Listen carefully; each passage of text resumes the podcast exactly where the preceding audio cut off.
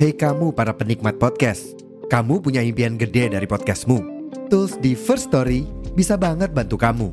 Mulai dari F-Link, Dynamic Audio Insertion, sampai statistik yang komprehensif, semua ada di First Story.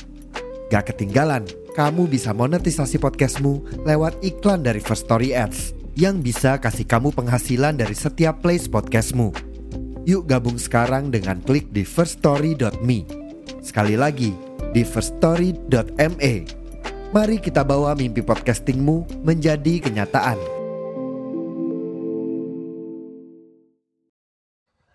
Check sound, check sound, one, two, three, and check sound, check sound again, one, two, three. Kembali lagi di podcast Angkringan Malam season 2 Kabum.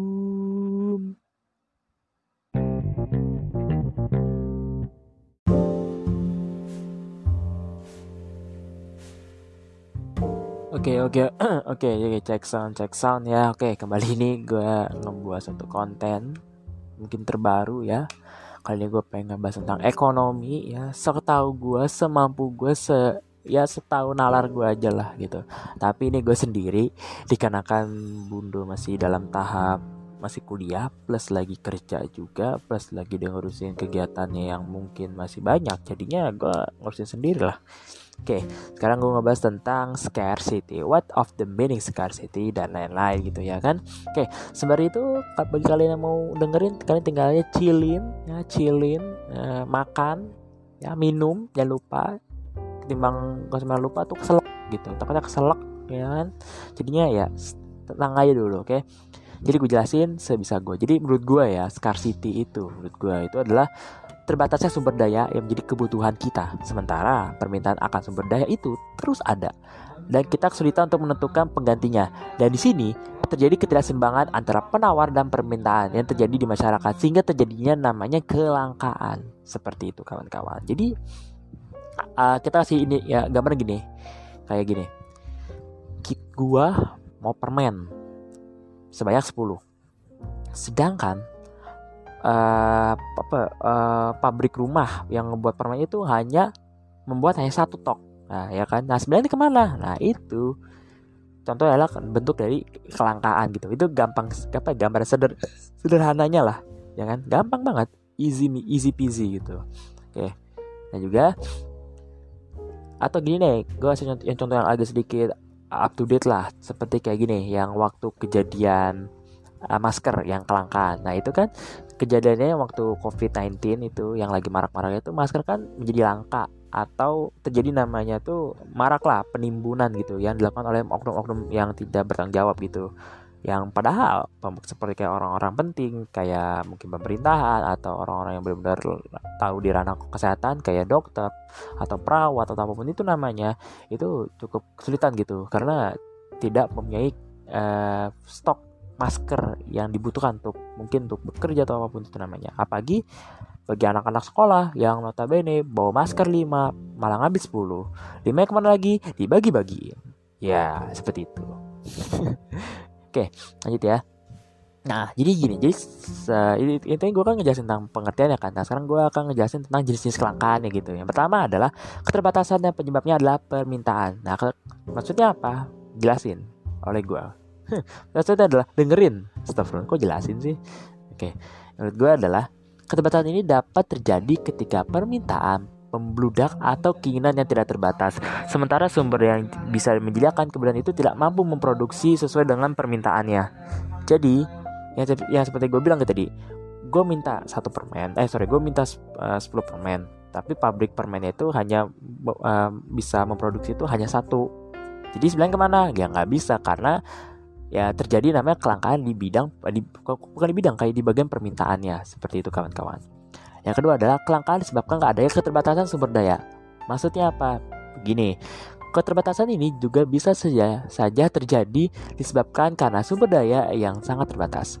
Padahal jumlah permintaannya pun masih dalam jumlah yang normal, tetapi ada ada Astagfirullahaladzim Ini ngapa sih lidah gue nih ya Allah Lipet banget Tumben sorry sorry sorry maksud gini gini gini maksudnya adalah ketika kita lagi uh, apa ya bahasanya ya ketika kita lagi ngebuat satu uh, bapak untuk memenuhi apa ya permintaan anak apa orang-orang atau konsumen itu kita harus mempersiapkan sumber daya ya tetapi dikarenakan karena apa ya karena mungkin permintaan kebanyakan jadinya kita atau bagian rumah produksinya itu anggap aja kita lah atau ya gue gue nggak perusahaan itu adalah ngomong pakai kata kita gitu. Nah kitanya ini tuh nggak mampu karena sumber daya itu sangat sangat terbatas. Contohnya adalah seperti ini. Emas. Nah emas biasanya dibutuhkan untuk apa? Kalung cincin hmm, skin.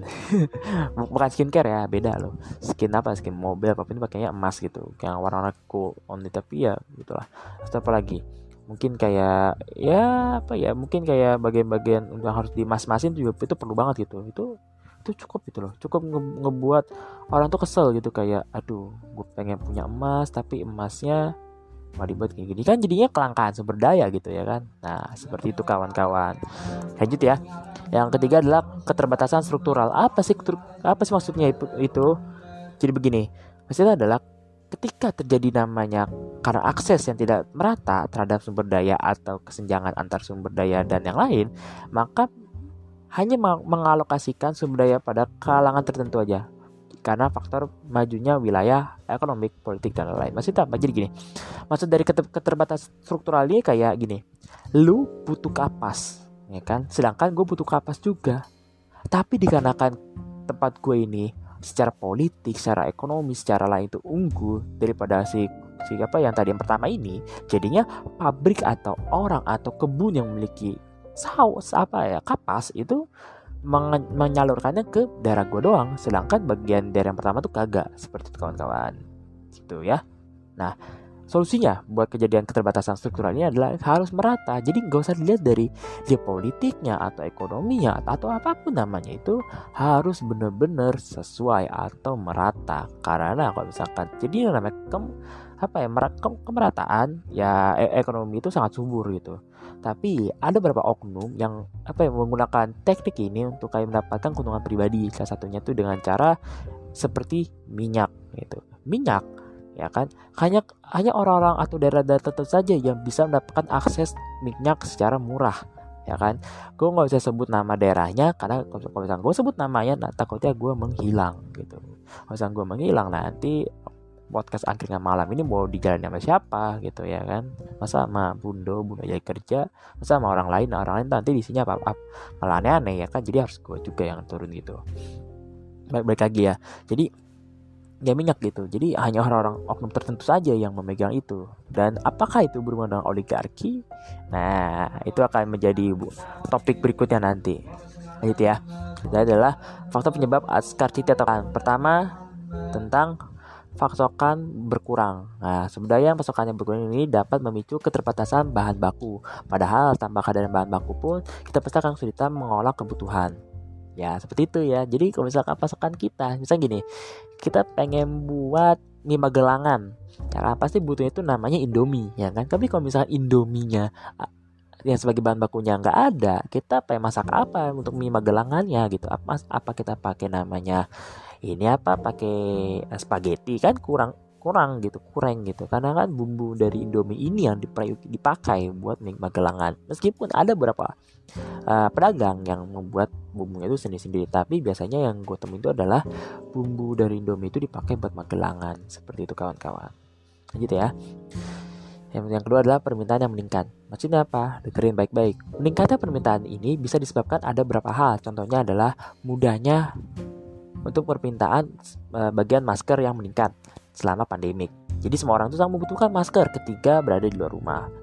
Tapi sebelum pandemik, masker ini umumnya digunakan untuk mereka yang hanya di dunia medis saja. Gitu. Jadi ini permintaan meningkat ini cukup lah, cukup kalian mengerti lah bagian mak maksudnya apa gitu. Tapi gue hanya menjelaskan setahu gue lah, sependek pengetahuan gue lah seperti itu kawan-kawan jadi adalah faktor perubahan alam. Jadi gini, alam sekitar kita itu pasti tidak dimungkiri, pasti rusak gitu.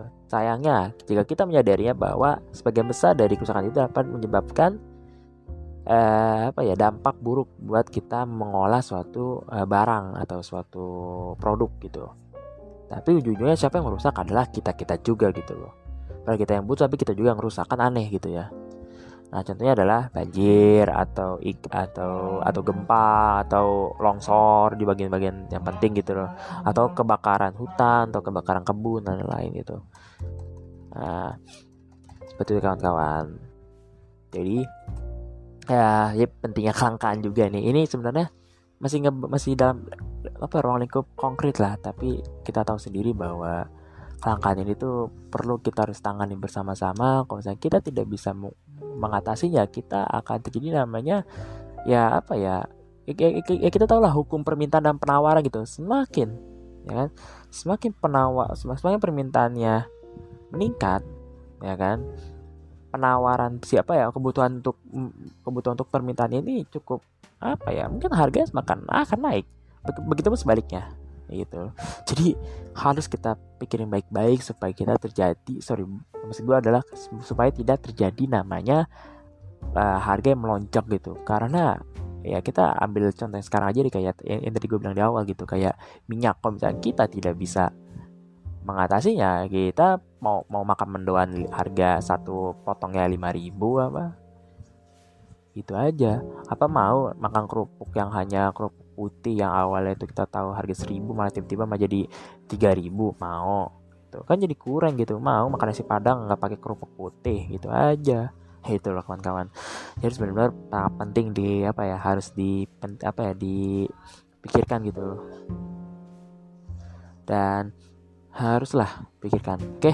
Lanjutnya gue pengen ngebahas tentang hubungan scarcity dengan bisnis oke? Stay tune terus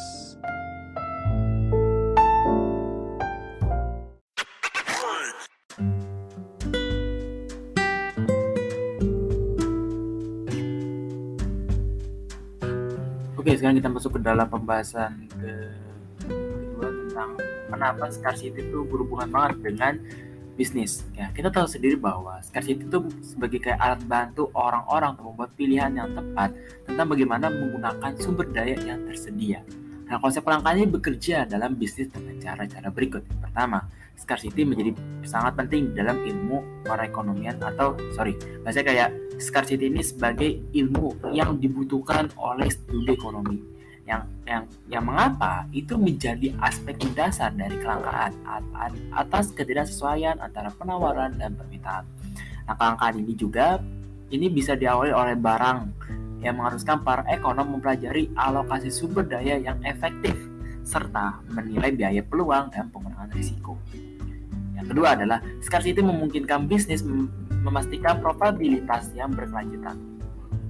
Ketika dalam kelangkaan produk atau sumber daya tertentu kawan-kawan, produsen harus melakukan kepenyesuaian atau apa ya bahasa kayak pengecekan kembali untuk memastikan probabilitas yang berkelanjutan.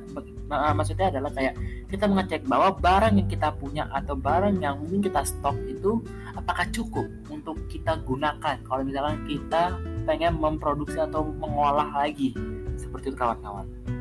Dan juga mereka yang mungkin beralih ke bahan kemasan alternatif misalnya uh, atau mengganti bahan tertentu dalam produk mereka. Jadi maksud dari sini adalah ya ya dari gue bilang kalau misalnya kita ngecek gitu kayak kalau misalnya barang kita sudah dicek kita harus pikirkan secara uh, probabilitas gitu. Kalau misalkan ke depannya itu baik kita harus benar apa pemakainya harus benar harus apa ya bahasanya ya nggak boleh boros-boros lah. Nggak boleh boros-boros nggak boleh asal pakai bikinnya secara baik-baik tidak semerta kayak hanya isi isinya doang enggak tapi kita harus benar mikirkan secara kemasan habis itu cara cara apa alat memproduksi ini barang. Karena kita tahu sendiri tidak hanya kayak gini. Gue kasih contoh deh memproduksi memproduksi apa ya? Nasi dengan mie, mie magelangan nah mie magelangan itu cara pembuatannya pasti butuhnya indomie dan lain itu kan bahan inti. Kalau misalnya bahan yang sekunder gas. Ya kan? Bahan-bahan atau apa pun gas. Habis itu ada, ada apa lagi? Ada garam itu perlu. Meskipun garam itu bilangnya inti tapi dia, dia, dia bisa menjadi sekunder. Kalau misalkan si mie ini atau mie magelangan ini cukup enak gitu gurih garam jadi menjadi bahan sekunder. Lagi uh, gula bisa juga.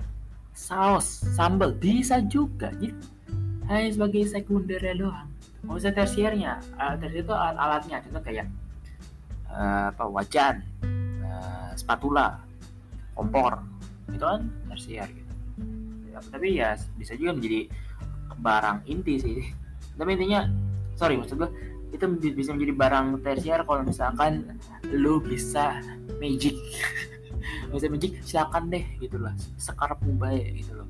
Kayak selanjutnya adalah sekarang itu membantu memenuhi kebutuhan pelanggan. Maksudnya apa? Gini permintaan yang tinggi untuk produk tertentu yang sering mengakibatkan kelangkaan mereka dari waktu ke waktu perusahaan yang ingin tetap menyediakan produk ini para pelanggan mereka dapat memutuskan untuk melepaskan produksi terbatas atau tidak terbatas atau meningkatkan produksi untuk memenuhi permintaannya. Jadi, si kelangkaan ini bisa juga menjadi alat ngebantu. Maksudnya apa? Sebagai alat yang di mana kita atau orang yang produksi itu bisa menjadi apa ya memenuhi kebutuhan pelanggan karena kita sendiri dikarenakan kalian semua pernah tahu lah konsep supply and di apa ya yang yang demand lah. Supply and demand. Sorry demand.